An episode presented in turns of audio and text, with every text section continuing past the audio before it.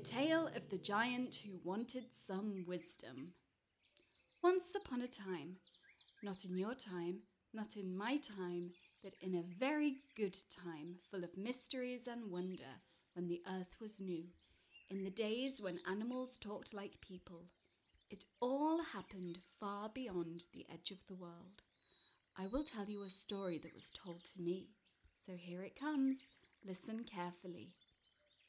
Beyond the woods, beyond the seas, and beyond the high mountains, in a certain land, in a certain village, there lived a giant.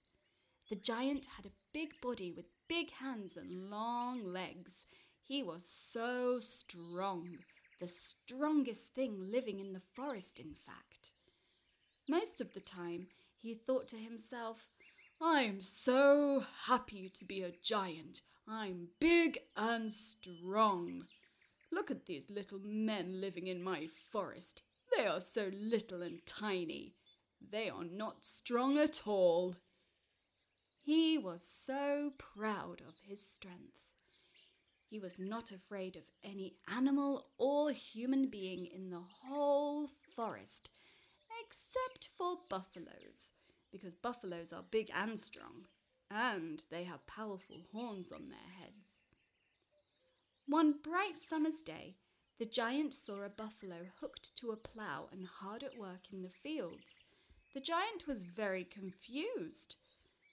A tiny, weak man has ordered this powerful buffalo to work in the field. How can that be? he thought. This tiny little man didn't have any horns or strong claws. He wasn't tall or powerful. At the end of the day, the tiny man left the buffalo as their work was done. He gave the buffalo some food and water and left him alone in the yard. The giant went up to the buffalo and said, Buffalo, you have to tell me something. The buffalo looked at the giant strangely and said, Well, what do you want to know, giant? The giant started, Why do you work for this little man? He doesn't have any claws or horns. He is not even tall like you. The buffalo shook his head, looked at the giant, and said, Oh, you don't understand.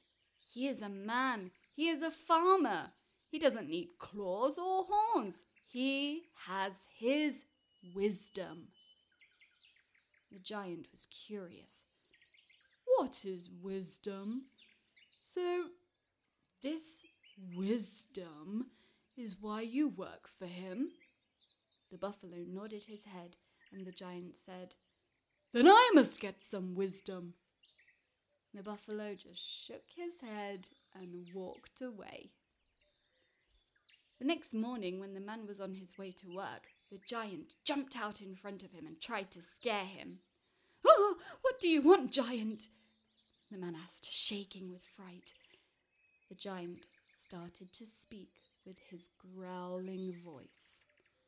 I know that you have wisdom, and with that wisdom you make the buffalo work for you. I want your wisdom. Give me your wisdom, he rumbled. The giant was so big that the little tiny man was trembling in his shadow. The man looked up and said, But, but, but, giant, wisdom is, it's not something I can give you. This made the giant even angrier, and he roared, Yes, you can.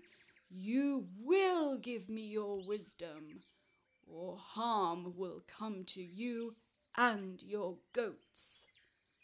The man thought quickly. Oh, okay, okay, giant. I will give you some wisdom, but I left it back at my house. I will go and get it. The man started to walk off, but then he turned to the giant and said, Oh, giant, mighty giant, I'm afraid to go and get you some wisdom. By the time I go home and come back, you could catch my goats from the herd. I'm not hungry now. I will not hurt your goats. Just go and get my wisdom, the giant replied. Oh, giant, mighty giant, by the time I walk to my house, you will get hungry and you will try to catch my goats to eat. I, I can't leave you here with them. A brilliant idea had come to the little man's mind.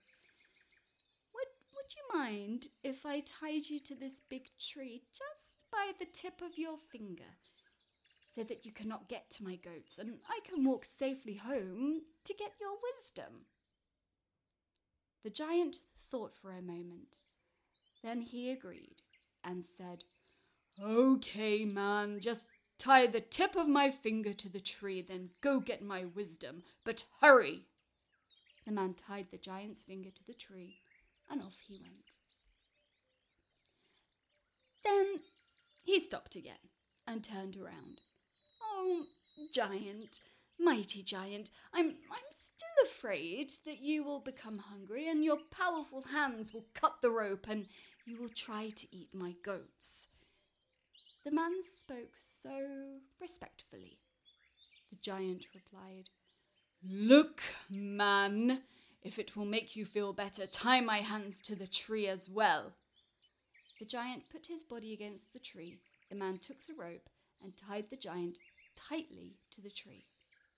Now the giant could not move his body at all and said, Now go get my wisdom, hurry! The man left again, took a few steps, but then he looked back, turned around, and said, Oh, giant, mighty giant, your head is so strong. You may move your mighty head from one side to the other and tear the rope. And if you get hungry and cut the rope, you may try to eat all of my goats. The giant could not wait any longer for his wisdom and said, All right, all right, man, just tie my head to the tree and I will not attack your goats. Hurry and get my wisdom. So the farmer did so. He tied the giant's head to the tree, and behind the giant's back, the man quietly and sneakily let his goats go free. The hours passed, the day turned to night time. Many different animals came by the giant the monkeys that he had scared once, the elephants that he had threatened once. They all came to see the mighty giant tied up to a tree. And the giant couldn't do anything at all to scare them. The giant tried to explain to them, I'm waiting for the farmer to bring some wisdom. Then the buffalo walked by and laughed. Oh, giant, look what you've gotten yourself into. And the buffalo shook his head and walked away. The giant waited and waited and waited, but the man did not come. The giant started to get hungry. Oh, I must have one of those goats for dinner, he thought. He tried to turn his head to see the goats, and trying hard, he pulled and pulled his head from the tree. Finally, he managed to free himself. It was night time now, and there were no animals around no goats, no monkeys, and no farmer. The giant said, Where are all of the goats? Where is the man? Where is my wisdom? Now, he didn't have any wisdom, and he didn't have his strength, as he had been tied up to the tree all day. Now he was hungry and weak, and he never saw the man again. My story ends here. Open your ears, open your eyes. I'm telling the truth, can't tell no lies. Snip, snap, snout, the tale's told out. Now the story is yours. If you're wondering what happened to the farmer after all, that is another story. This story is done. Let some go, let some come.